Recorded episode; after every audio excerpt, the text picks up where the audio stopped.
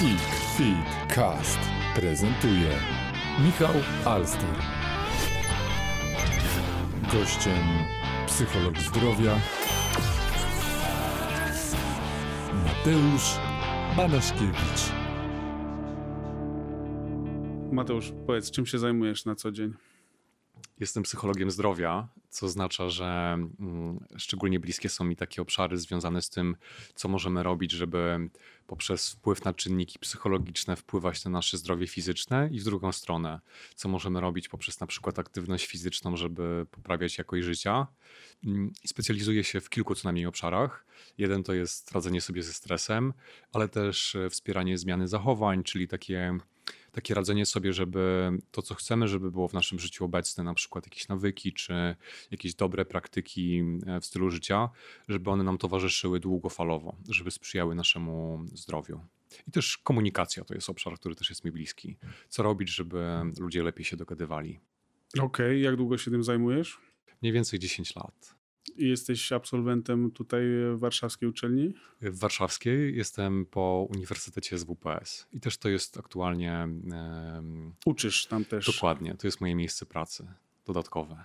Moja siostra skończyła SWPS, chwali sobie i też e, ma dużo relacji z kadrą, która ją tam prowadziła, więc e, chyba fajną organizację tam macie. Tak myślę i bardzo żałuję, że jej nie poznałem z tej perspektywy akademickiej. Aha. Bo wiem, że się nie znamy, dlatego że kiedyś o tym rozmawialiśmy. Okej, okay. no Marysia e, zrobiła sobie przerwę. Urlop dziekański miała. Może to w jakiś sposób wpłynęło na to, że wam się drogi rozjechały. To wie. E, dzisiaj pracuje w Muzeum Polin, ale no tak jak mówiłem, ciepło opowiada o wszystkich i o samej szkole. Moja mama też jest zresztą psycholożką. E, ale opowiedz o zmianie nawyków, bo to jest coś, co chyba jest e, obszarem bardzo trudnym do wdrożenia. To zależy. To znaczy. Mm Oczywiście, kiedy próbujemy wprowadzić takie nawyki, które mają długofalowo być dla nas korzystne, ale krótkofalowo sprawiają, że musimy czasem się powstrzymać przed e, zjedzeniem czegoś bardzo smacznego albo przed zrobieniem czegoś, co przynosi taką szybką gratyfikację, to tak, to dla bardzo wielu ludzi to jest coś, co jest wyzwaniem, bo potrafią powstrzymywać się przez pewien czas no ale potem po pewnym okresie, czasem po kilku tygodniach, e, bywa też tak, że po miesiącach okazuje się to za trudne i wracają do poprzedniego zachowania, które nie jest tym, którego by oczekiwali. I to oczywiście wynika z bardzo wielu różnych rzeczy.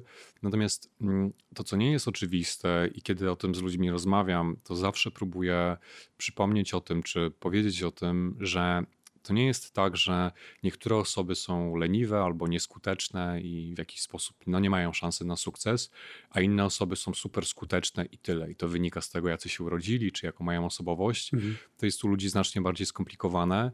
Mm, I zamiast myśleć o sobie jako o ludziach, którzy na przykład są leniwi, warto jest pamiętać, że każdy z nas, mm, idąc codziennie przez życie, doświadcza takich przeciwstawnych motywacji, przeciwstawnych impulsów. Czyli z jednej strony, jak myślisz o swoim zdrowiu, to chcesz oczywiście o nie dbać, chcesz czuć się dobrze, ale z drugiej strony na co dzień naturalne jest to, że kiedy jesteś zmęczony albo zestresowany, to chcesz dobrze poczuć się w tej chwili.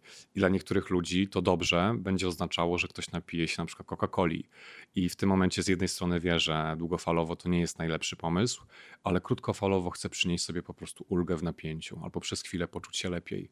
I każdy z nas w ciągu swojego życia takich przeciwstawnych motywacji doświadcza i o sukcesie nie świadczy to właśnie, czy ktoś jest leniwy, czy nie leniwy, tylko raczej to, czy poprzez bardzo wiele różnych sposobów nauczył się w toku swojego wychowania, w swoim domu rodzinnym, czy potem w szkole, czy potem w życiu już zawodowym, profesjonalnym, człowiek nauczył się tak zwanej samoregulacji, takiego skutecznego radzenia sobie z tym, że czasem mogę sobie pozwolić, a czasem jednak jestem w stanie, myśląc o tym, co będzie w przyszłości, powstrzymać się mm, i na przykład nie zrobić czegoś, na co w tej chwili mam szczególną ochotę. A czy nie jest tak, że najważniejsze w tej e, samoregulacji jest po prostu przesuwanie horyzontu gratyfikacji, oddalanie go od siebie, żeby tych tu i teraz e, satysfakcji, przyjemności nie szukać.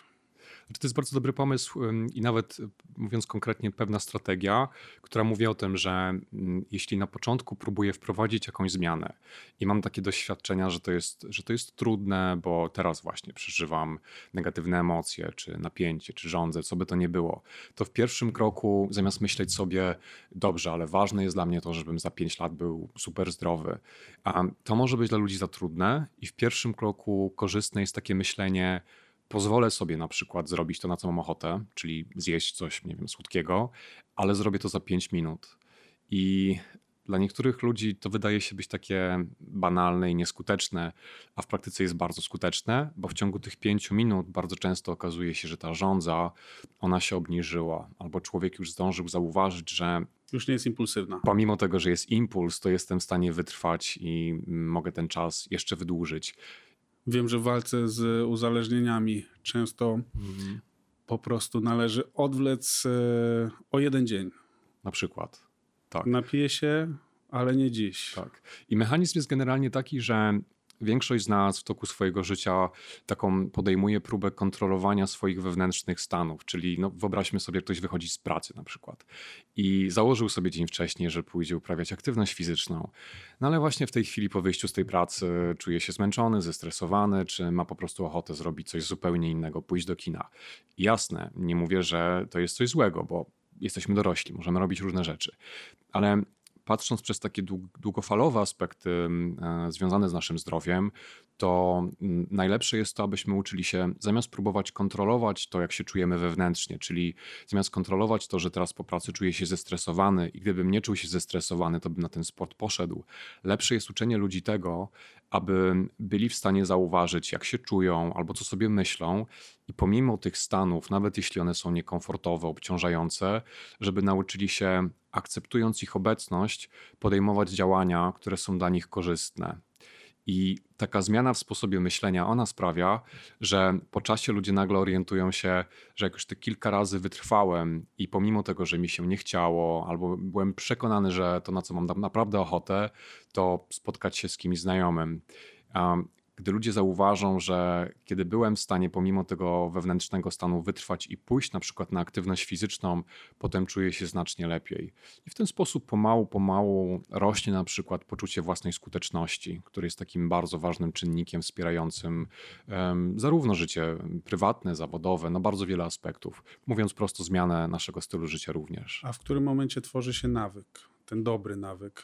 Jak popatrzymy na badania, to oczywiście jest pewna średnia. Pamiętajmy, że każdy z nas się różni, to, to może się wahać, też w zależności od tego, jaką zmianę próbujemy wprowadzić, ale patrząc na średnią, przyjmuje się, że około 30 dni to jest taki czas potrzebny na to, żeby te struktury w mózgu, takie jak hipokamp, aby wytworzyły tak zwaną pętlę nawyku, która po prostu sprawia, że na pewnym etapie, kiedy człowiek nawet pomyśli sobie o tym, że aha, jest poniedziałek, zwykle w poniedziałek podejmuje się na przykład takiej takiej aktywności, to z automatu jego fizjologia ciała i motywacja jest ukierunkowana na to, że dzisiaj to jest ten dzień, kiedy na przykład po pracy idę uprawiać sport. Mniej więcej miesiąc potrzebujemy takich doświadczeń, żeby to stało się potem bardziej automatyczne. Mhm. I w tej konkurencji między motywami, czyli właśnie między tym, że mm, mam ochotę na drinka, ale jednocześnie wiem, że sport jest ważny, to żeby właśnie po takim czasie łatwiej było wytrwać e, i łatwiej było skorzystać z tego impulsu w stronę uprawiania na przykład aktywności fizycznej. I z Twojego doświadczenia ludzie próbują wypracować nowe nawyki w jakim obszarze życia swojego? Ja chyba tak, nawet teraz mówiąc o przykładach, to tak automatycznie poruszam temat aktywności fizycznej, bo takie dwie grupy obszarów, z którymi najczęściej się spotykam, to jest właśnie sport i też obszar związany z żywieniem. Ewentualnie jeszcze unikanie jakiegoś typu e, nawykowych reakcji, które wiadomo, że są niekorzystne, ale są skoncentrowane na obniżeniu napięcia, na przykład palenie papierosów. Mhm. A ty w tych dwóch obszarach żywienia i aktywności fizycznej zawsze byłeś e, on top of your game? Nie. Nie. Też musiałeś do tego dojrzeć, tak? Powiem więcej, nawet myślę sobie o tym, że ten mój obszar specjalizacji, on tak naprawdę wynikł z tego, że na przestrzeni lat mojego życia też ukształtowałem pewne nawyki, które były właśnie niekorzystne. I przykładem jest to, że wprawdzie od najmłodszych lat w moim życiu była obecna aktywność fizyczna, bo jako nastolatek uprawiałem karate, potem w czasie studiów przerzuciłem się na fitness. Tutaj nie było potrzeby, żeby jakoś walczyć ze sobą i nie wiadomo jak się mobilizować do sportu, bo tę umiejętność miałem, ale to, co było niekorzystne i to, co wykształtowałem też na takim wczesnym etapie życia, to było pocieszanie się poprzez słodycze. To znaczy, ja byłem nauczony tego, że jeśli moi rodzice chcą mi okazać jakiś rodzaj miłości, czy, czy, czy nagrodzić mnie za coś, no to robili to między innymi poprzez słodycze. I nie ma w tym nic złego, że próbowali mi okazać miłość, ale problem polega na tym, że ten nawyk tak mocno się ukształtował, że potem już w życiu dorosłym, jak miałem te 20 plus lat, to automatycznie reagowałem w taki sposób, że gdy przeżywałem napięcie, albo gdy czułem się samotny, albo gdy z czymś trudnym się zmagałem, to automatycznie miałem potrzebę, żeby pocieszyć się właśnie w ten sposób, poprzez podjadanie, czy poprzez e, no, takie gratyfikowanie się słodyczami, co długofalowo było oczywiście. Doprowadziłeś się do otyłości, chcesz powiedzieć? Nie, to akurat nie była rzecz, która była moją trudnością, ale mm, no, obserwowałem na przykład to, że czuję się gorzej, albo gorzej śpię, um, albo też obserwowałem to, że um, w wynikach badań widać było, że mam trochę wyższy stan zapalny niż ten pożądany. No, już jako osoba też, ja wprawdzie studiowałem psychologię, ale temat e, żywienia, immunologii to były mi zawsze bliskie obszary, więc pewien poziom wiedzy miałem też taki, żeby mm, zorientować się, że nie tylko po nadwadze, ale też po innych parametrach możemy się zorientować, że sposób, w jaki się żywimy, czy nasz styl życia mm, niekoniecznie nam służy. A czy studenci E, SWPS-u, może niekoniecznie studenci psychologii klinicznej, mają e, kontakt z, albo inaczej, czy uczą się czegokolwiek o zasadach zdrowego żywienia, czy można, czy jest w ogóle sens dysocjować jedno od drugiego, psychologię zdrowia od po prostu higieny życia? Aha. Um, to bardzo zależy, dlatego że są takie specjalności, gdzie studenci mają oczywiście zajęcia takie bardziej holistyczne, dotyczące mm, jakichś elementów medycyny stylu życia i też uczą się o tym, w jaki sposób, czy to aktywność fizyczna, czy sposób żywienia wpływa na mhm. jakość życia.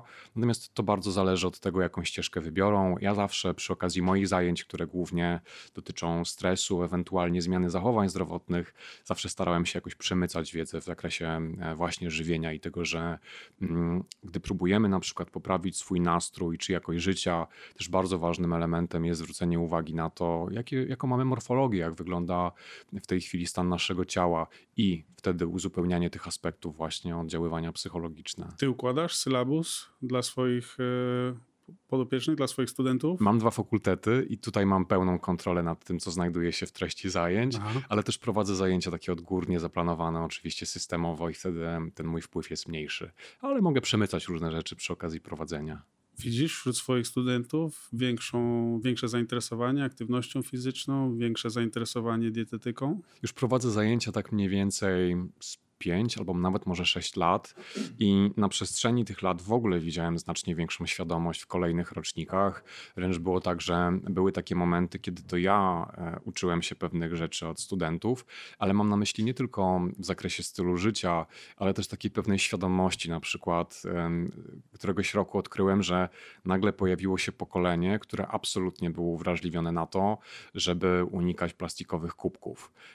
I to było dla mnie ciekawe, dlatego że przez ileś tam lat kompletnie takich, e, takiej postawy nie obserwowałem.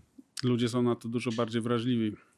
Myślę, że w ogóle na przestrzeni ostatniego roku to oczywiście też środowisko i doniesienia nas wszystkich mocno zmobilizowały, ale mm, obserwowanie tych młodych generacji, które no, pod wieloma względami miały już inne nastawienie, inny mindset na troskę o ciało, na troskę o środowisko, na jakiś taki rodzaj też e, w ogóle czerpania kontaktu z naturą w oparciu o ich własne doświadczenia, ale też o badania, e, to jest bardzo optymistyczne. Mhm. To jest właśnie płaszczyzna, na której ja chcę zmienić swoje nawyki. Produkuję strasznie dużo plastiku.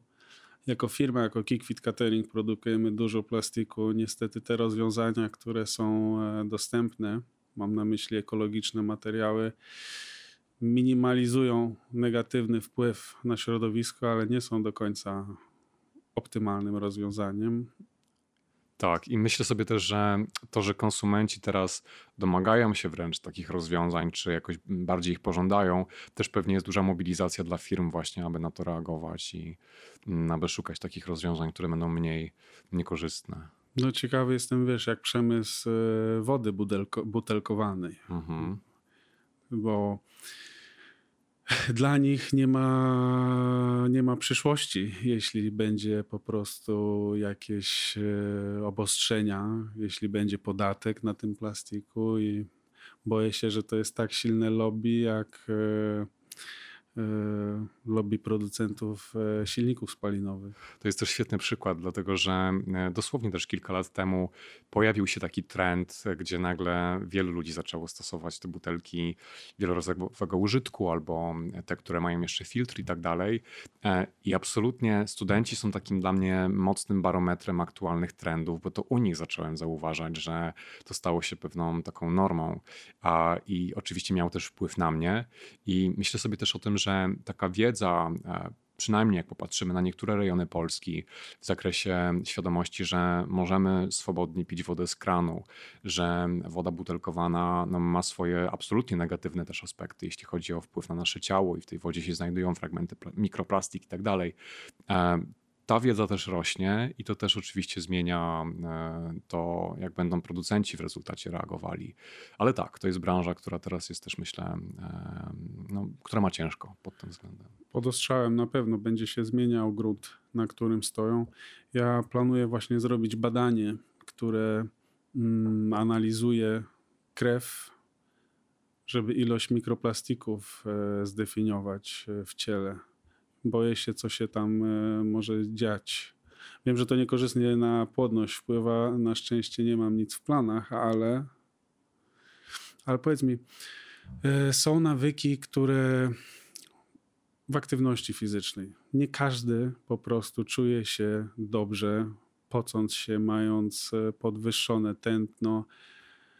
Jak ugruntować nawyk, który tak naprawdę nigdy nie daje gratyfikacji w momencie, kiedy ma miejsce egzekucja? Tak. To jest w ogóle bardzo fajny obszar i cieszę się, że go po- poruszasz, dlatego że w naszej kulturze ukształtowało się takie myślenie o tym, że aktywność fizyczna jest jakoś taką walką o formę, walką o zdrowie albo takim rodzajem kary za to, że czerpiemy z życia. Czyli jeśli człowiek w ciągu tygodnia jadł co chciał, no to teraz musi w weekend po prostu się um, no, porządnie przyłożyć do tego, żeby jakoś odkupić te grzechy.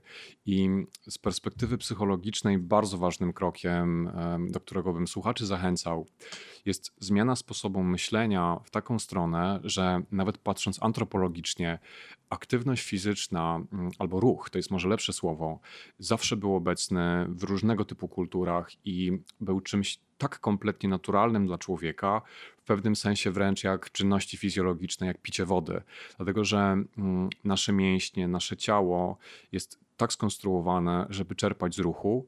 I tutaj mamy dwie drogi, bo z jednej strony, jeśli człowiek chce wprowadzić regularną, powiedzmy, umiarkowaną aktywność fizyczną, i na początku to jest trudne, to jest wymagające, to jest raczej źródłem negatywnych emocji czy takich negatywnych, obciążających bodźców z ciała niż przyjemności, to oczywiście mm, mamy tutaj różne strategie. Jedną z nich, którą pamiętam i bardzo zresztą cenię, um, ona dotyczy nastawienia. To znaczy, mamy już trochę badań, które pokazały, że jeśli człowiek w czasie aktywności fizycznej, szczególnie na początku, te bodźce z ciała odbiera jako negatywne, czyli ma takie poczucie, że moje serce mocno bije i to jest w ogóle niekomfortowe, przerażające, albo strasznie się poce i to jest obrzydliwe, albo czuję, że moje ruchy, czy widzę, że moje ruchy nie są tak gładkie jak ludzi, których obserwuję, to to, co warto jest zrobić, to świadomie zacząć ukierunkowywać uwagę na przykład na muzyce, albo myśleć o tym w tym charakterze, że w tej chwili to, co robi moje ciało, to próbuję sprostać wyzwaniu, przed którym w tej chwili stoję.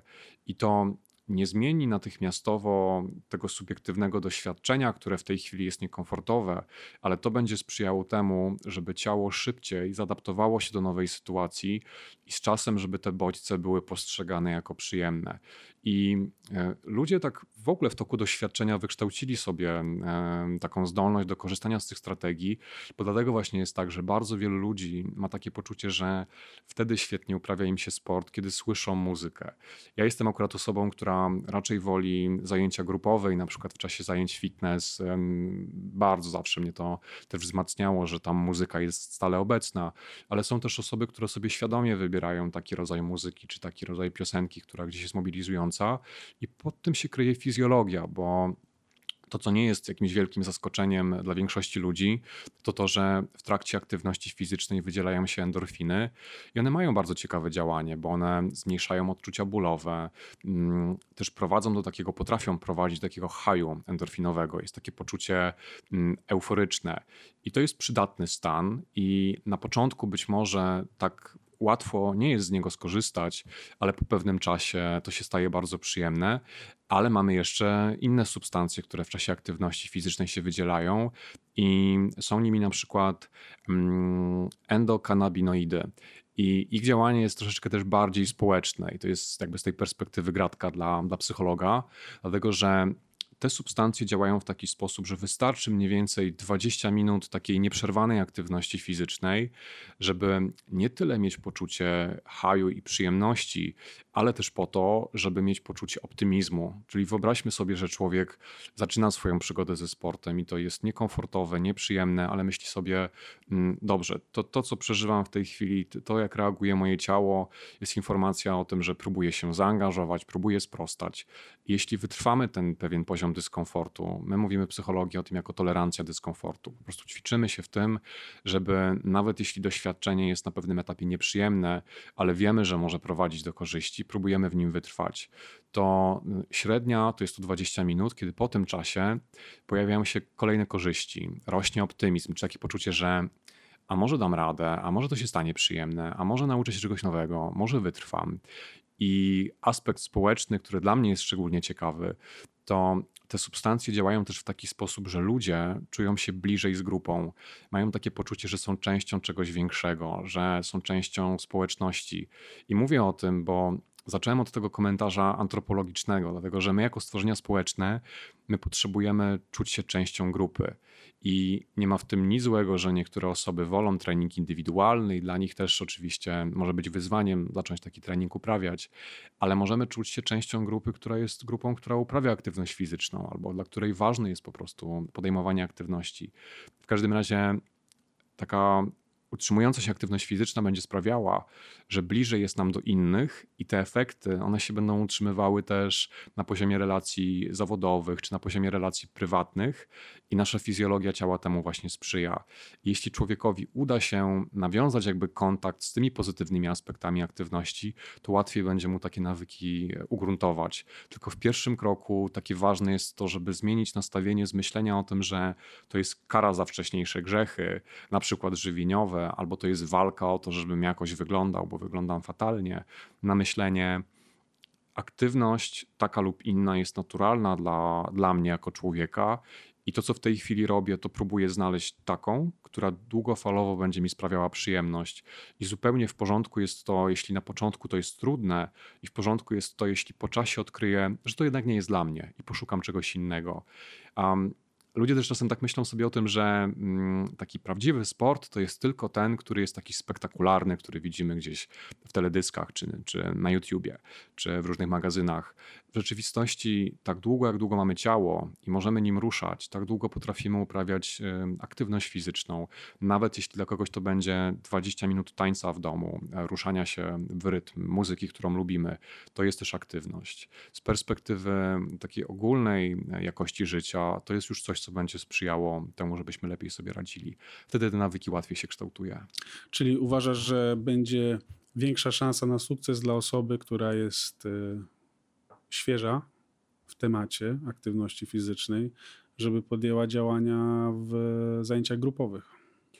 Mm, Jeśli ktoś już na starcie myśli sobie o tym, że Że będzie ciężko. grupa jest dla mnie źródłem potencjalnego wstydu albo dyskomfortu i wolę zacząć indywidualnie, to też jest w porządku. Tylko pamiętajmy o tym, żeby te trudne objawy z ciała czy właśnie z umysłu przeformułować jako wyraz tego, że zależy mi, a moje ciało potrzebuje czasu, żeby przyzwyczaić się do aktywności. I to jest zupełnie inne nastawienie niż takie, że jestem w tym beznadziejny. I to już jest czynnik, dla wielu ludzi czynnik sukcesu ku temu, żeby z czasem te korzyści przyszły, a nawyki się ukształtowały. W grupie można się uczyć nie tylko od instruktora, ale też i od ludzi, którzy są w grupie. Możesz siebie kontrastować i uczyć ruchu też i od kogoś, kto stoi obok ciebie, a nie przed tobą.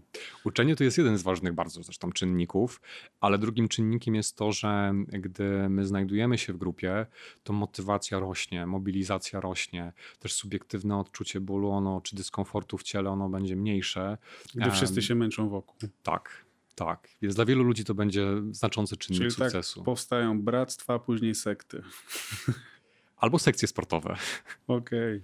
Ale tutaj jeszcze tylko uzupełnię i wzmocnię, gdyby ktoś miał takie przekonanie, że jednak trening indywidualny to będzie coś, co jest dla niego lepsze, bezpieczniejsze, nie chce uprawiać sportu grupowo, to też jest w porządku. Tylko pamiętajmy, że w tym przypadku czynnikiem sukcesu może być na przykład znalezienie partnera do sportu albo, nie wiem, trenera, któremu ufamy, z którym czujemy się bezpiecznie. To jest często taki niedoceniany czynnik. Myślimy sobie, no to jest ktoś, kto ma dobre rekomendacje albo ma sukcesy w danej dziedzinie, no to to jest osoba, z którą muszę ćwiczyć. Mhm. Może się okazać, że tym czynnikiem sukcesu będzie dla nas to, że to będzie ktoś zupełnie inny, ale ktoś, kto komunikując to, jak sobie radzimy, czy nawiązując z nami kontakt, rozmawiając z nami, daje nam poczucie bezpieczeństwa. Co nie znaczy nie motywuje i nie dopinguje, ale daje nam poczucie bezpieczeństwa. Moje doświadczenie z klubów fitness, e, doświadczenie z e, rozmów z moimi klientami cateringu jest takie, że ludzie podejmując e, wyzwania,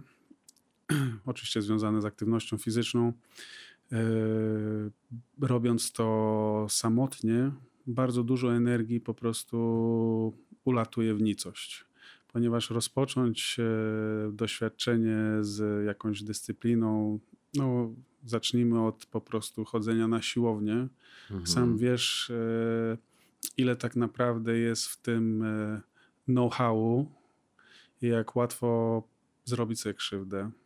Jak łatwo po prostu inwestować w energię w rzeczy, które nie dają zwrotu. zw- zwrotu. Dlatego Tak. e, ja polecam ludziom, żeby korzystali właśnie z zajęć grupowych, bo można wsiąść, e, wiesz, e, do pociągu, który już ma jakąś prędkość i, i, i szybko nadrobić, e, złapać ten poziom, który umożliwi ci trening samodzielny. Tak.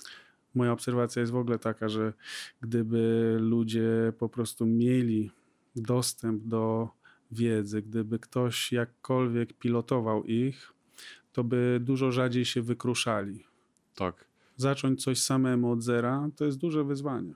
I tu mamy też dwie rzeczy, bo z jednej strony mm, mamy badania, które pokazują, że gdy ludzie jakiś program zmiany stylu życia obejmujący na przykład aktywność fizyczną rozpoczynali z drugą osobą, to więcej osób było w stanie wytrwać i wprowadzić trwałe zmiany i to jest bardzo korzystne, ale gdyby ktoś ze słuchaczy na tej podstawie taką decyzję podjął, że właśnie zaczynam aktywność z kimś konkretnie, jako nawet może nie profesjonalistą, ale właśnie partnerem, partnerką do ćwiczeń, to wszystko jest w porządku, tylko wtedy warto jest z pewnym wyprzedzeniem pomyśleć sobie, dobrze, a co zrobię wtedy, gdyby okazało się, że ta osoba się wykruszy?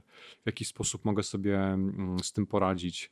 E, I to jest czynnik, który jak ludzi przygotowuje się do zmiany stylu życia, bardzo mocno będzie wspierał w tym, żeby tej motywacji, nawet jeśli ona będzie spadała, to żeby mm, ten spadek motywacji nie sprawił, że przerwiemy tą zmianę, przestaniemy tą zmianę realizować. Mm, To jest taka uniwersalna strategia, która mówi o tym, nie wystarczy wyznaczać sobie cele, nie wystarczy wiedzieć, czego chcemy i jak mamy to zrealizować. Warto jest też świadomie przewidywać potencjalne trudności, które mogą wystąpić. Mówiąc konkretnie, jeśli człowiek nawet pomyśli sobie, dobrze, to no, a propos cateringu, to człowiek pomyśli sobie, super, mam w tym tygodniu zabezpieczony catering, codziennie będę miał takie żywienie, jakiego oczekuję, mm, będę uprawiał aktywność fizyczną w te i te dni, po pracy na przykład to Kolejnym czynnikiem bardzo, bardzo istotnym jest powiedzenie sobie, jakiego typu trudne sytuacje w tym tygodniu mogą się wydarzyć. Typu, okaże się, że muszę dłużej zostać w pracy, będę miał niski nastrój, będę zestresowany, znajomi zaproponują mi drinka po pracy. Mm, katalog możliwości i co potencjalnie mogę zrobić, żeby sobie z tym poradzić.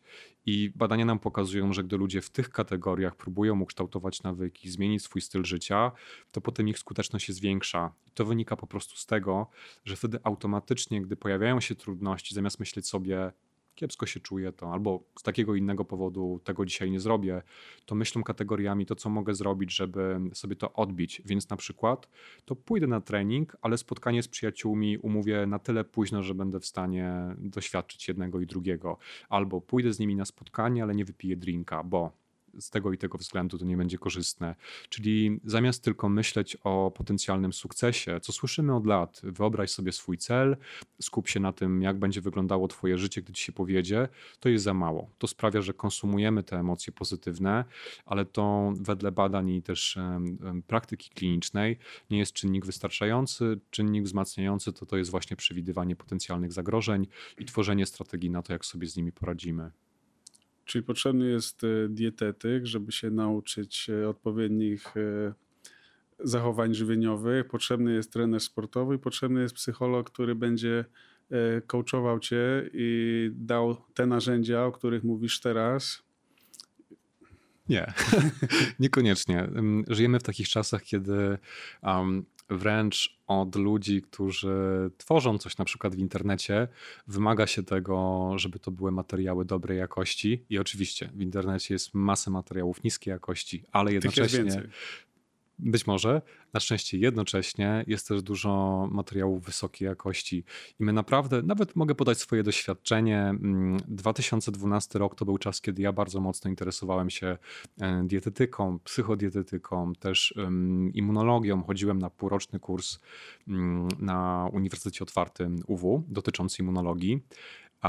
I teraz po latach obejrzałem sobie taki charytatywny live na Instagramie prowadzony przez dwie panie. Jedna to farmaceutka, druga pani zrobiła doktorat, um, chyba może uproszczę, jeśli powiem, z produkcji leków, ale no jakby i suplementów. Na tym się właśnie zna. I to był live bardzo merytoryczny, który mnie na przykład też otworzył oczy na pewne kwestie, bo ta wiedza sprzed lat, którą miałem, ona się już trochę zdezaktualizowała, pojawiły się nowe rozwiązania, jest jakby inny stan wiedzy.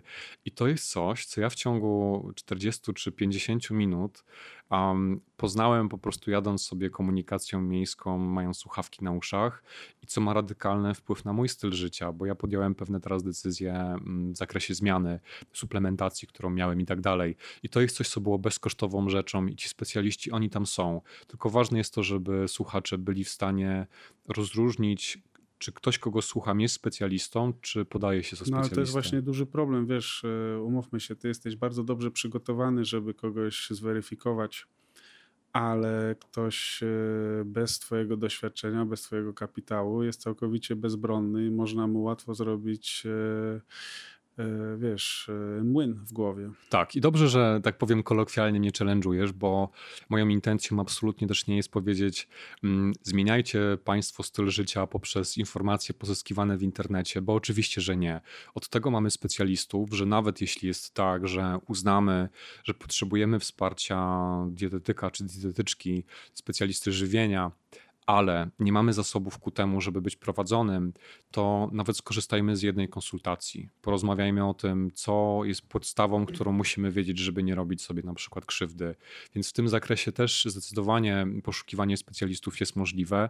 Nawet kiedy wspomniałeś też psychologa, czy ja bym wręcz dodał w pewnych okolicznościach psychoterapeutę, to też dostęp do tego rodzaju specjalistów poprzez no, służbę ochrony zdrowia jest trudniejszy, ale też jest możliwy. Więc warto oczywiście pamiętać, że od tego mamy specjalistów, żeby w bezpieczny sposób merytoryczny nas wspierali. No wiesz, żyjemy w dziwnych, bezprecedensowych czasach. E, czytam, że Twitter usunął e, wpisy Donalda Trumpa, który po prostu informacje dotyczące COVID-u nieprawdziwe przez swoje konto, przez konto Białego Domu upublicznia. To chyba pierwsza taka sytuacja, jak Twitter usuwa e, czyjś wpis e, o statusie prezydenta Stanów Zjednoczonych. Tak. Jest e, poziom dezynformacji na skalę globalną całkowicie, wiesz, e, tak jak mówiłem, bezprecedensowy.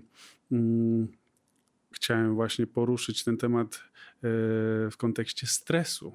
Mhm. Wiesz, jest e, taki szum. E, Wy, wyłonić, wyłuskać kogoś, kto będzie ciebie coachingował, czy to w sprawie zdrowego żywienia, czy to e, kultury fizycznej. E, Jest trudno, ale gdy prezydent e, Stanów Zjednoczonych po prostu sieje zamęt, to jak żyć, jak wiesz, kogo słuchać, co oglądać. Mm. Komentujesz Stany, ale ja bym nawet też sprowadził naszą uwagę na tutaj naszą rzeczywistość. Jak popatrzymy mm, w ogóle, no szczególnie na ostatnie lata, to rzeczywiście patrząc na moją dziedzinę, bardzo często politycy mm, pozwalają sobie na komentarze, które są bardzo stanowcze, niezgodne ze stanem wiedzy, w taki sposób, jakby byli specjali- specjalistami w zakresie zdrowia psychicznego, a nie są. I rzeczywiście dla bardzo wielu ludzi, dla, dla naszej naszego społeczeństwa, trudno będzie rozróżnić to, gdy, kiedy przekaz jest manipulacyjny, a kiedy jest merytoryczny. I myślę, że kompetencją przyszłości w ogóle będzie mm, nauczenie się weryfikacji, jakie informacje są rzetelne, jakie nie i które źródła są rzetelne, a które nie są. No i sprowadzając to do tych naszych refleksji, dyskusji, ja bym powiedział o tym, że nawet jeśli słyszymy wypowiedź lekarza psychiatry, czy psychologa, czy psychoterapeuty, to też zawsze warto jest sobie zadać pytanie, czy to jest wypowiedź tego specjalisty, która jest oparta o stan wiedzy i ona odzwierciedla to, w jaki sposób towarzystwa, które zrzeszają specjalistów, typu towarzystwo psychiatryczne czy em, psychologiczne, um, na dane zjawisko patrzy, czy nie. I to da się sprawdzić, bo nawet jeśli już my używamy doktora Google'a za jakiś tam przewodnik w zakresie różnych aspektów naszego życia, to jesteśmy w stanie bardzo często wygooglować sobie jak, jakiś rodzaj em, deklaracji, czy jakiś rodzaj oświadczenia, które pochodzi z takiego źródła, które jest wiarygodne. No i właśnie w kontekście zdrowia psychicznego, to gdy słyszymy, że polityk mówi jedno, to sprawdźmy, co na to lekarze psychiatrzy, a najlepiej właśnie towarzystwa na przykład psychiatryczne. I tego możemy się nauczyć. Wiem, że cię challenge'uję, ale Donald Trump e, miał e, za sobą wielu lekarzy, którzy bronili użycia e, chyba to nie była woda utleniona, to był w sprayu alkohol, jakiś dezynfek dezynfekant, tak? Tłumacząc, że wziewny użycie tego produktu ma sens e, w profilaktyce e, przed koroną.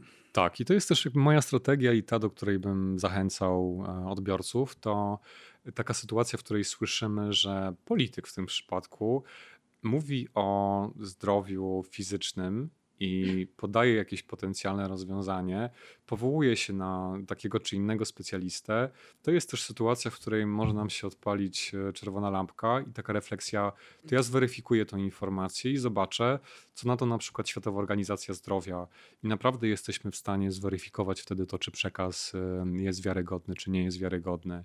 Bo nawet największym instytucjom zdarzały się potknięcia. Maseczki są świetnym przykładem. Był moment, w którym słyszeliśmy, że nie działają, potem moment, którym słyszeliśmy, że należy je nosić. No i nagle ludzie w ogóle nie wiedzą o co chodzi i przestają to traktować jako wiarygodne. Gdybyśmy świadomie włożyli energię w to, żeby zrobić research, to z łatwością dowiemy się, że po prostu na etapie, kiedy nie wiedzieliśmy o tym, że koronawirus może nie dawać objawów, wtedy rzeczywiście noszenie maseczek przez niespecjalistów nie miało sensu. Ale gdy okazało się, że potrafi e, w taki sposób go ludzie mogą przechodzić, że objawów nie ma, wtedy najlepszą możliwą rzeczą było noszenie maseczek po to, żeby no, zmniejszać do pewnego stopnia transmisję. Tyle, proste wytłumaczenie. A u nas cały czas jeszcze, nawet w Polsce, jako przykład, ja nie spotkałem się przynajmniej z takim jednoznacznym oświadczeniem, z czego to wynikało i dlaczego najpierw słyszeliśmy jedno, potem drugie. No niestety, wielu z nas musi po prostu świadomie szukać takich informacji, które tłumaczą pewne zjawiska, zamiast, jak do czego mamy jako ludzie skłonność, szukać bardzo prostych wyjaśnień na zasadzie nie znam nikogo, kto mm, zachorował na koronawirusa, to wirusa nie ma. To jest wygodne, ale w rzeczywistości trochę więcej wysiłku.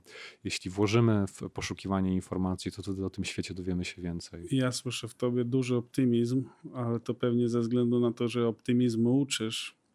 Ale powiem ci szczerze, ja odczuwam stres dzisiaj zintensyfikowany tym właśnie, że po prostu nie ma takiego zaufanego źródła informacji, tyle sprzeczności. I nie ukrywam, wiem, że to jest może infantylne, że pewnym komfortem dla mnie była informacja o tym, że ktoś mój znajomy już miał bezpośredni kontakt z COVID-em. To go, wiesz, zmaterializowało jako rzecz rzeczywistą. To już nie jest Tak, coś, o tak, czym się tak. tylko mówi, o czym e, słucham, oglądam e, w mediach społecznościowych. Wreszcie ktoś go ma i nie robią mnie w bambuko. To ma taką brzydką trochę nazwę, to się nazywa dowód anegdotyczny, czyli właśnie to, że ktoś z naszych znajomych czegoś doświadczył, albo coś mu pomogło, albo coś zadziałało. No i niestety to daje poczucie bezpieczeństwa, bo na tej podstawie mm, mamy poczucie większej wiarygodności. Um, czasem to sprawia, że człowiek czuje właśnie, o, okej, to skoro ktoś bliski tego doświadczył w takiej czy innej formie, no to faktycznie problem istnieje, a czasem to będzie sprawiało, że ludzie w rezultacie podejmują się terapii czy jakichś sposobów mm, zachowania, które oczywiście były anegdotyczne i wcale nie będą korzystne dla nich. Tak jesteśmy skonstruowani. Um, żeby to tak zgeneralizować i powiedzieć, no co możemy robić, żeby jakoś sobie z tym radzić, czyli jak żyć. Um, powiedziałbym, Pamiętajmy o tym, że tak zwana tolerancja dyskomfortu, tolerancja wieloznaczności jest trudnym stanem, ale wtedy, kiedy my się go uczymy i próbujemy przypominać sobie, że to, że w tej chwili nie do końca wiem, co będzie dalej, co się wydarzy, co powinienem robić, jest elementem bycia człowiekiem, bo nasza rzeczywistość jest bardzo skomplikowana i najlepsze to, co mogę robić, to próbować poszukiwać informacji, które są jak najbardziej wiarygodne, są jak najbardziej aktualne i to nie musi dać mi gwarancji na to, że, że uspokoję się w rezultacie, ale to jest najbardziej zbliżone temu, co odzwierciedla stan wiedzy i zwiększa moją szansę podejmowania się zachowań, które będą korzystne. Może ta nasza taka potrzeba do tego, żeby mieć proste, jednoznaczne rozwiązania, też sprawia, że niektórzy ludzie właśnie znajdują komfort w teoriach spiskowych, czy religia też potrafi dla wielu ludzi być takim no, bardzo łatwym schronieniem, bo daje takie jednoznaczne, zero-jedynkowe rozwiązania. Mm, Rzeczywistość, zwłaszcza w aspekcie medycznym, jest na tyle złożona, że no, warto jest nauczyć się tolerancji wieloznaczności. Ale przyznasz, że życie jest coraz bardziej skomplikowane. Nasz Tak. świat, co? Współczesny. Przyznaję, że tak jest. Z mojej perspektywy to jest moja opinia, ale też a, coś, co obserwuję na podstawie danych, na podstawie tego, jak bardzo rozwija się medycyna, technologia, no bardzo wiele różnych gałęzi w życiu. Czyli temat stre- stresu i radzenia sobie ze stresem jest e, bardziej aktualny niż kiedykolwiek. Tak, i nawet jak powiedziałeś o tym, że przeżywasz stres związany z COVID-em, czy, czy mówiąc ogólnie w ogóle z pandemią, um, ja też go przeżywam, ale to, co jest y, znowu pocieszające czy optymistyczne, to to, że my jako ludzie mamy bardzo różne strategie radzenia sobie. Jedną z tych strategii jest podejmowanie się takich zachowań, które dają wyraz temu, co jest dla nas ważne. I każdy z nas na swój sposób może to rozumieć. Dla mnie na przykład bardzo ważną rzeczą jest to, żeby szczególnie w takich stresujących, obciążających okolicznościach w jakiś sposób być wsparciem dla innych. Więc y, ja odnajduję komfort w tym, że z mojej dziedziny dzielę się wynikami badań czy jakimiś wskazówkami wokół tego, co możemy robić, żeby podnosić jakość życia. Inni ludzie mogą wspierać się w inny sposób. Dla jednej osoby może być tak, że aktualna sytuacja pandemii i to, jaki ona ma wpływ na zawodowe życie, czy na no, różne aspekty życia, mm, może mobilizować ku temu, żeby zrobić coś dla kogoś innego. I to mogą być ludzie, to mogą być zwierzęta. Jeśli człowiek odnajdzie pewien poziom komfortu w tym, że będzie wyprowadzał psy ze schroniska na spacer, to jest też jeden ze sposobów, w jaki ludzie w konstruktywny właśnie e, sposób potrafią radzić sobie z tym, że ich rzeczywistość, ich aktualna sytuacja jest trudna e, i to pomaga. To zwiększa tak zwaną rezyliencję psychiczną i i fizyczną. Mhm. A jakbyś miał zdefiniować twój stres związany z COVID-em, to on jest e, związany z, z troską o swoje, twoje własne zdrowie, czy bardziej niepewnością, tą, którą ja odczuwam, e, gospodarczą, Tak. Myślę, że tak jak, tak, jak, tak jak o tym mówisz, to ponieważ nie mam żadnej choroby jakoś takiej przewlekłej, która by sprawiała, że szczególnie obiektywnie jestem w grupie ryzyka, to jest coś, co e, z tej perspektywy mniej mnie obciąża. Aktualnie bardziej obciąża mnie fakt, że tak jak ty jestem przedsiębiorcą i mam swoją firmę i zależy od rynku i e, spodziewając się recesji, czy tego, że moje usługi, a jednak zajmuję się zdrowiem, czymś, co jest takim no, produktem premium e, w ramach różnych działań, które firmy podejmują, no, może się okazać, że na pewnym etapie po prostu takie projekty będą w mniejszym stopniu realizowane i e, mój stres wiąże się z tym, że mogę nie mieć pracy. Z drugiej strony, też to, co sam staram się robić, myślę, że jak na razie całkiem nieźle mi to idzie i do czego też zachęcam innych, to jest taka próba radzenia sobie ze stresem w ten sposób, że gdy on występuje, czyli mamy właśnie objawy fizjologiczne, psychologiczne, często niekomfortowe, to próbujemy ten stan przeformułować w taki sposób, że zamiast myśleć sobie, e, no moje życie jest teraz ciężkie i moje ciało po prostu mi komunikuje to, że sobie nie radzę albo że jestem zbyt wrażliwy i tak dalej, próbujemy to przeformułować jako wyraz tego, że w tej chwili mój organizm reaguje na to, że coś trudnego dzieje się w środowisku i próbuję z tych doświadczeń, z tych bodźców skorzystać jak z paliwa, które mogę wykorzystać ku temu, żeby zrobić coś, co będzie konstruktywne. Czy będzie to przygotowanie się na to, co się wydarzy, e, czy podejmowanie jakichś działań zaradczych, czy to będzie troska o swoje ciało, tak żeby w razie zachorowania mm, być w lepszej formie, czy to będzie takie symboliczne wspieranie innych ludzi, to jest nasza decyzja, ale pokazują nam badania, że gdy my reagując na stres fizjologicznie interpretujemy to jako wyraz czegoś złego tylko, to w rezultacie ciało ponosi długofalowo negatywne konsekwencje fizjologiczne, psychologiczne, a gdy przeformułujemy to jako wyraz tego, że coś w moim życiu ważnego dla mnie jest w tej chwili zagrożone i to, czego doświadczam, jest barometrem tego, że coś ważnego się dzieje, to wtedy łatwiej jest nam z tego pobudzenia skorzystać, robiąc rzeczy, które będą konstruktywne. Czyli to też jest nawyk, który trzeba myślowy. Zbudować. Nawyk myślowy. Myślowy w tym przypadku i w zakresie radzenia sobie ze stresem jest bardzo wiele rzeczy, które możemy robić. Mnie one wszystkie są bliskie, czyli z jednej strony to, co wiemy od dawna, czyli techniki relaksacji, aktywność fizyczna, troska o jakość snu, troska o to, jak się żywimy, to wszystko jest bardzo ważne takim czynnikiem jeszcze wzmacniającym, czy tak mówiąc bardziej fachowo, buforującym stres, czyli sprawiającym, że coś trudnego się dzieje, moje ciało reaguje, ale co tu takiego zrobić, żeby ta reakcja nie była nadmiarowa, nie była nadmiernie obciążająca ciało?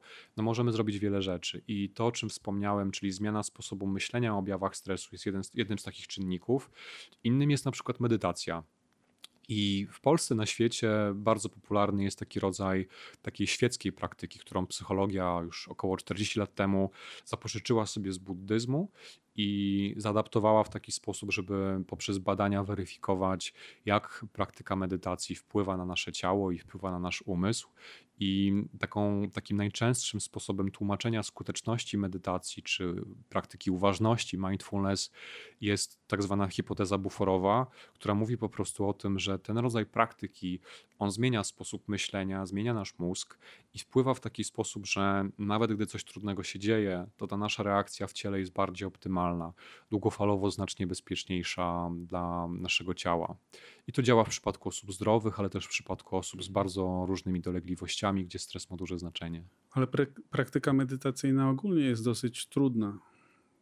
Nie zgodzisz się ze mną? Zgodzę się. Też jestem, jestem osobą, która no, od wielu lat gdzieś w moim stylu życia e, praktyka uważności, czy mówiąc precyzyjnie, medytacji jest obecna. Jest trudna i nawet to, choć od wielu lat praktykuję i wiem też, że to, to ważne, to też zmagam się z tym wszystkim, z czym każdy z nas prawdopodobnie aktualnie się zmaga, czyli z tym, że nasz mózg na przykład nauczony jest reagować na telefon komórkowy w taki sposób, że kiedy tylko zaświeci się ekran albo telefon zawibruje, to występuje bardzo silny bodziec ku temu, żeby zwrócić uwagę na to, co tam się dzieje. To się po angielsku nazywa promise of reward, mm, taka obietnica nagrody. I to ma ogromne znaczenie pod kątem naszego stylu życia, jeśli chodzi o aktywność fizyczną, jeśli chodzi o żywienie, jeśli chodzi o wykorzystywanie mediów społecznościowych, bo po prostu sprawia, że zawsze wtedy, kiedy ktoś chce się na czymś skupić, poczytać książkę, albo chce coś napisać, albo chce po prostu popatrzeć sobie na Wisłę i posiedzieć na trawie, Coś go rozprasza. jego mózg sam będzie naturalnie wysyłał impuls ku temu, żeby zorientować się, co ciekawego dzieje się w telefonie, albo natychmiast zająć uwagę robieniem czegoś, co jest ekscytujące, bodźcujące, bo nie ukrywajmy, przeglądanie Facebooka czy, czy oglądanie Netflixa jest w taki sposób skonstruowane, żeby permanentnie było źródłem intensywnych bodźców i medytacja długofalowo będzie nas uczyła tego, że kiedy chcemy, korzystamy z tych bodźców, ale mamy też zdolność ku temu, żeby doświadczać jakości życia i satysfakcji, kiedy nic się po prostu nie dzieje, ale to wymaga czasu. Ja zwróciłem uwagę, przepraszam, że ci wszedłem słowo, e, ponieważ też e, staram się uczyć uważności i medytacji, że gdy rano próbuję odbyć praktykę bez przejrzenia tego, co na telefonie się wydarzyło przez noc, jest mi dużo łatwiej. Gdy spojrzę na chwilę w Mhm. newsfeed, czegokolwiek, Instagram, Facebook, Tak. Sprawdzę pocztę lub wszystkie te rzeczy na raz, to zupełnie z czym innym się zmagam. Tak. W ogóle nie mam mowy o tym, żebym się na chwilę wyciszył. Już jestem tak przebodźcowany, tyle rzeczy mi Mhm. chodzi po głowie, zapomnij. Tak. To też mówisz o takim momencie, kiedy ty już em, nauczyłeś się, czy odkryłeś, że jeśli nie zerkniesz na to, co się wydarzyło w nocy w mediach społecznościowych, to wtedy łatwiej jest ci praktykować e, na przykład uważność, czy, czy medytować. Z drugiej strony dla wielu ludzi ten pierwszy krok w ogóle będzie bardzo trudny i tutaj mamy też takie strategie, które zostały zweryfikowane mm, empirycznie poprzez badania i polegają właśnie na tym, że pierwszym kroku no, wyobraźmy sobie, że dla kogoś właśnie wyzwaniem jest to, żeby nie rozpraszać się poprzez telefon komórkowy i to, co, to, co mm, jakby pojawia się na ekranie. To dla wielu ludzi pierwszą praktyką będzie w ogóle to, żeby kiedy telefon czy ekran się zaświeci, to żeby zauważyć, co ja w tej chwili czuję, czyli czuję impuls, żeby zerknąć, zamiast to zrobić automatycznie, Mhm. bezrefleksyjnie, zauważyć, co przeżywam, dać sobie chwilę czasu, zanim to zrobię, czyli obserwuję, jak się czuję i sięgnę po niego, ale po kilku minutach. A jeśli już po niego sięgnę i zacznę, nie wiem, tego Facebooka przeglądać, przyglądać się temu, co tam ma miejsce, to przez cały ten proces, czy to będzie 5, 10, 15 minut, czy więcej, celem byłoby obserwować, czy to mi daje satysfakcję. I ten proces, taki początkowy, przed tym krokiem, na którym ty już jesteś, on sprawia, że mózg uczy się z doświadczenia rozróżniać to, że mnie się wydaje, że Facebook będzie źródłem ekscytacji, satysfakcji, ale często jest przez dwie minuty, a ta dalsza, ten dalszy czas, kiedy ten czas spędzamy przeglądając media Jest społecznościowe, rozczarowanie. jest rozczarowaniem i jeszcze obserwacja, jak czuję się później. Czyli jeśli włączyłem sobie serial na Netflixie i świadomie obserwuję, jak czułem się podczas pierwszego odcinka, ale też podczas drugiego, trzeciego, czwartego, to wtedy mózg uczy się tego, że jak przekraczam tą granicę jednego, już potem satysfakcja mi się obniża. Jak tego nie robimy, to nie wyciągamy, to, to mózg się z tego doświadczenia nie uczy. Który ty jesteś rocznik? 8-6. O, to tak jak mój, ale wiesz, my mamy doświadczenie jeszcze ze świata, e, nazwę to analogowego, tak? Ja zastanawiam się, jak funkcjonują, jak będą funkcjonować ludzie, z którymi nie mam kontaktu na co dzień, dzieciaki, które już się po prostu, wiesz, od szkoły podstawowej z tym smartfonem wychowały. Ja wiem, że ja się budzę, tak? Mój mózg na pewno jakieś po prostu neurologiczne zmiany już tam miały miejsce. Ja się budzę Tak. i ja ten głód, jak głód narkotykowy w gruncie rzeczy, odczuwam. Zobaczyć, co tam się wydarzyło w telefonie, tak?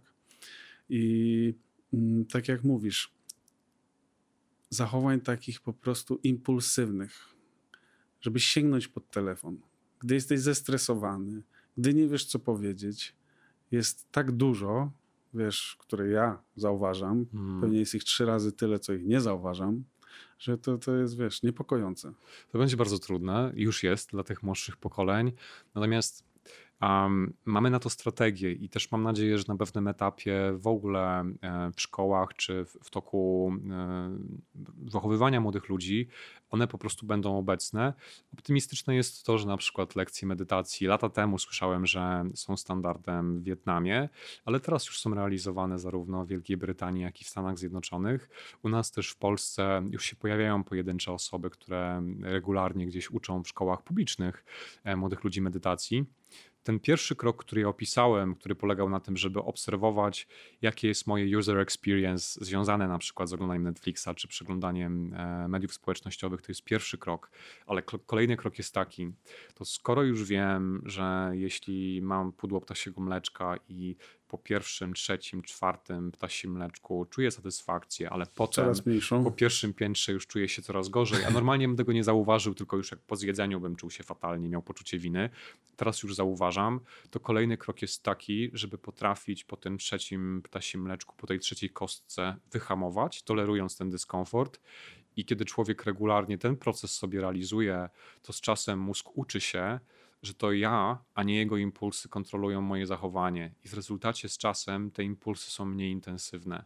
I to w praktyce oznacza, że jeśli ty masz taką tendencję, żeby rano mieć dużą ciekawość i potrzebę sprawdzenia mediów społecznościowych, to za każdym razem, kiedy ten czas odroczysz, albo kiedy w ogóle na przykład do momentu medytacji um, nie zerkniesz, to z czasem twój mózg się nauczy, że nie ma sensu tak bardzo impulsywnie wysyłać ci te bodźce, bo ty na nie nie reagujesz.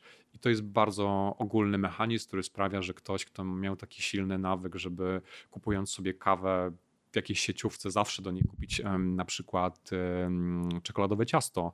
Za każdym razem, kiedy wytrwa i tego nie zrobi, z czasem będzie czuł mniejszą presję na to, żeby to ciastko kupić. Tylko to, to wymaga właśnie obserwacji i tolerancji dyskomfortu. Wielu ludzi tego w ogóle nie robi, bo nie wie o tym, bo że to, to jest, jest sposób na sukces. To jest trudne. Tutaj na twoim miejscu jakiś, na twoim miejscu jakiś czas temu siedział Maciej Szyszka, który jest specjalistą yy od uważności, pracy oddechem. E, ma swojego mistrza w, klas w klaszto klasztorze w Hongkongu. E, I nie wiem, czy to, co mi zaproponował w relacji z moim telefonem, jest chodzeniem na skróty, czy też po prostu jakimś narzędziem, które może ty byś zaadoptował, ale ono jest banalne i było skuteczne, póki używałem wyłączony internet w telefonie. Mhm. Gdy masz potrzebę coś zrobić, włączasz internet. Gdy nie masz, nie ma internetu. To ty używasz telefon, nie telefon używa ciebie. Tak. To mamy dwie drogi tutaj i to jest jedna z nich. To znaczy, czy to będzie wyłączenie internetu, czy to będzie wyłączenie powiadomień, bo wyobraźmy sobie, że dla kogoś Instagram jest na przykład źródłem ekscytacji. Jak tylko się pojawia powiadomienie, no to człowieka rozprasza, więc można wyłączyć powiadomienia, można internet. Um, to potrafi być skuteczne, tylko to jest też pewna forma taka takiej, takiego outsourcowania silnej woli. Czyli nagle ty nie musisz walczyć ze swoją samokontrolą, no bo te, te, komunikaty się nie pojawiają. I super, bo dzięki temu możesz skupić się na pracy. Równolegle możemy praktykować tolerancję dyskomfortu, czyli właśnie to, że wiem, że mam włączony internet, wiem, że te powiadomienia się pojawiają, ale ja świadomie zauważam, pojawiło się, ukierunkowuję uwagę na pracę, którą wykonuję. I jedna i druga strategia może być wspierająca. Ja bym na pewno zachęcał, żeby też aktywnie używać tej drugiej, no bo ona właśnie będzie sprawiała, że potem łatwiej będzie tobie um, wytrwać, gdy się pojawi powiadomienie, no bo nie zawsze możemy pozwolić sobie na to, żeby ten internet był na przykład e, wyłączony, bo być może na ważnego maila w tej chwili czekasz, a jednocześnie potrzebujesz napisać artykuł. Czy mówimy tutaj o nawykach, czy mówimy tutaj o tym, że może miały miejsce już po prostu jakieś zmiany w mózgu? To jest tak, że nawyki nie są takim jakimś ulotnym tworem, który namacalnie nie ma odzwierciedlenia w naszym ciele, bo zdecydowanie to jest tak, że nasza neurologia odzwierciedla to, co czujemy i to, jak się zachowujemy. I ja na początku wspomniałem o tym, że 30 warto... dniach. E, no, nie tylko. Też w przypadku bardzo wielu naszych zachowań to są rzeczy, które tworzyliśmy i wzmacnialiśmy przez wiele lat.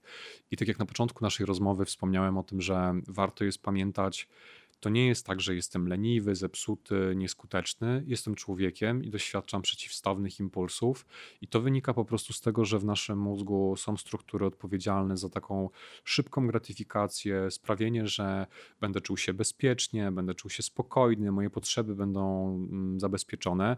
Więc kiedy jestem zestresowany, napiję się coli, zapalę papierosa, zjem coś smacznego. To są struktury, które mają sprawić, że poczuję się bezpiecznie.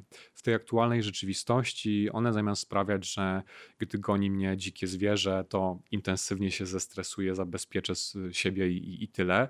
One sprawiają, że za każdym razem, gdy się pojawiają emocje, próbujemy w jakiś sposób e, poczuć się lepiej, często niekorzystny ale mamy też struktury, które w toku ewolucji, one się później wykształcały i tutaj taka, o której większość ludzi wie, to, jest, to są właśnie płaty przedczołowe i różne dodatkowe struktury, które tam też się znajdują i one są odpowiedzialne za to, żebyśmy pamiętali, jaka jest nasza motywacja długofalowa, jakie są nasze wartości, jakie są nasze cele. Czyli mówiąc prosto, mm, kiedy mówiliśmy o medytacji, to nie wspomnieliśmy o tym, że gdy człowiek ją regularnie praktykuje, to zmienia taką strukturę, która tutaj po środku e, naszego mózgu się znajduje, trochę głębiej e, patrząc na nasze czoło.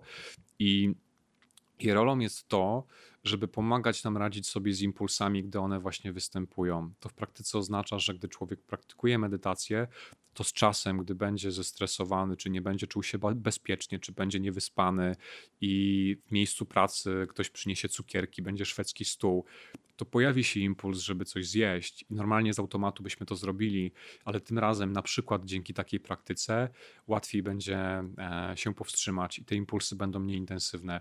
Właśnie dlatego, bo medytacja zmieniła nasz mózg, ale również nasze doświadczenie. Bo jak wspominałem o tym, że mamy ochotę zapalić papierosa, ale mówimy sobie, zrobię to za 5 minut z czasem, jeśli nawet będzie tak, że człowiek chce wprowadzić radykalną zmianę, palił, a nie chce palić, no ale to jest za trudne. Ale taką decyzję podejmie, że na przykład w poniedziałki zamiast pięciu papierosów wypala jednego to za pół roku to będzie inna osoba, bo to będzie człowiek, który nazbierał już doświadczeń, z których może skorzystać, żeby wprowadzić zmianę dalej. Jeśli pracuje z profesjonalistą, no to o tym będą sobie rozmawiali, jak sobie w te poniedziałki radzisz, jak się w tej chwili czujesz. Prawdopodobnie z każdym poniedziałkiem, kiedy udało się wytrwać, nawet jeśli to było niekomfortowe, człowiek nabiera większego optymizmu, przekonania, że jest w stanie sobie poradzić, uczy się różnych strategii. Co zrobił wtedy, kiedy szef był nieprzyjemny, chciał zapalić, ale tego nie zrobił, mm, człowiek, o którym teraz mówimy.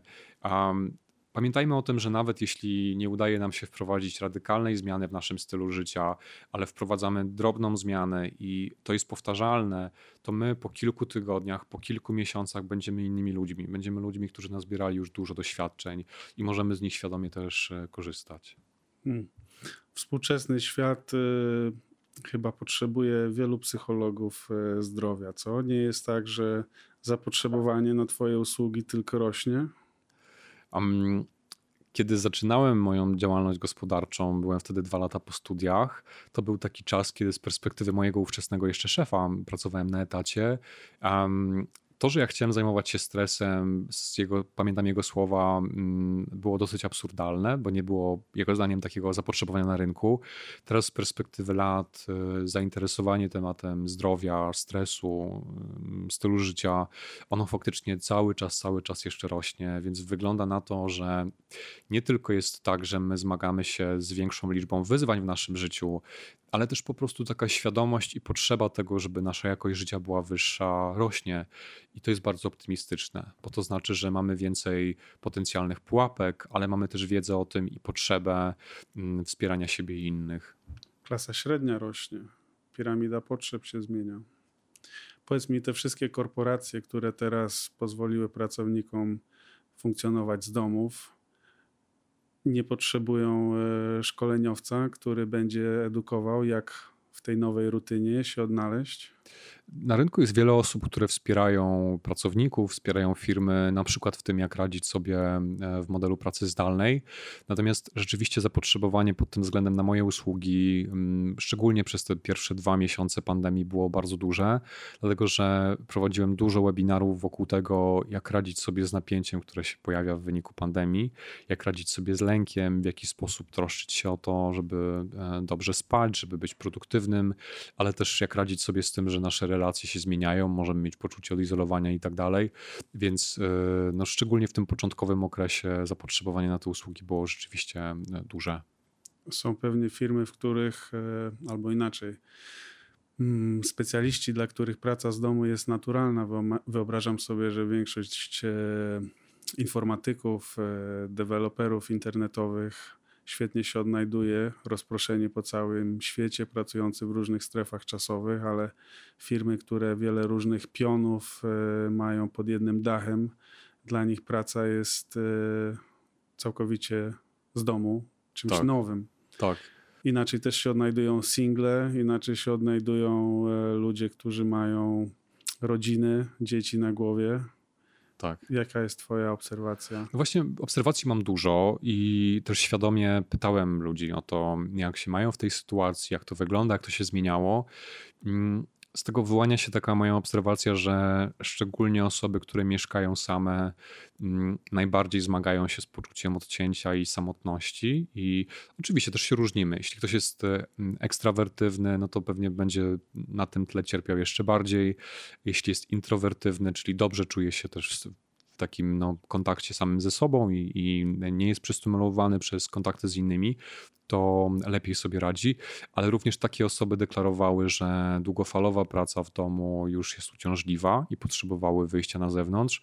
Natomiast jak przysłuchiwałem się osobom, które mają rodziny, to znaczy mają dzieci, mają um, osoby, z którymi mieszkają w domu, no to tutaj trudnością często było właśnie takie zarządzanie tym, w jaki sposób się skupić, kiedy dzieci są w domu, albo w jaki sposób poradzić sobie z tą intensywnością, która ma miejsce, bo tych interakcji między domownikami jest tak bardzo wiele i dla niektórych osób to było coś, i to są wręcz takie zdania, które po prostu pamiętam, mm, bo, bo dzieliły się nimi osoby, które miały takie doświadczenia, na przykład, że staliśmy się silniejszym zespołem, w takim rozumieniu, że nauczyliśmy się razem rozwiązywać właśnie jakieś emocjonalne sytuacje.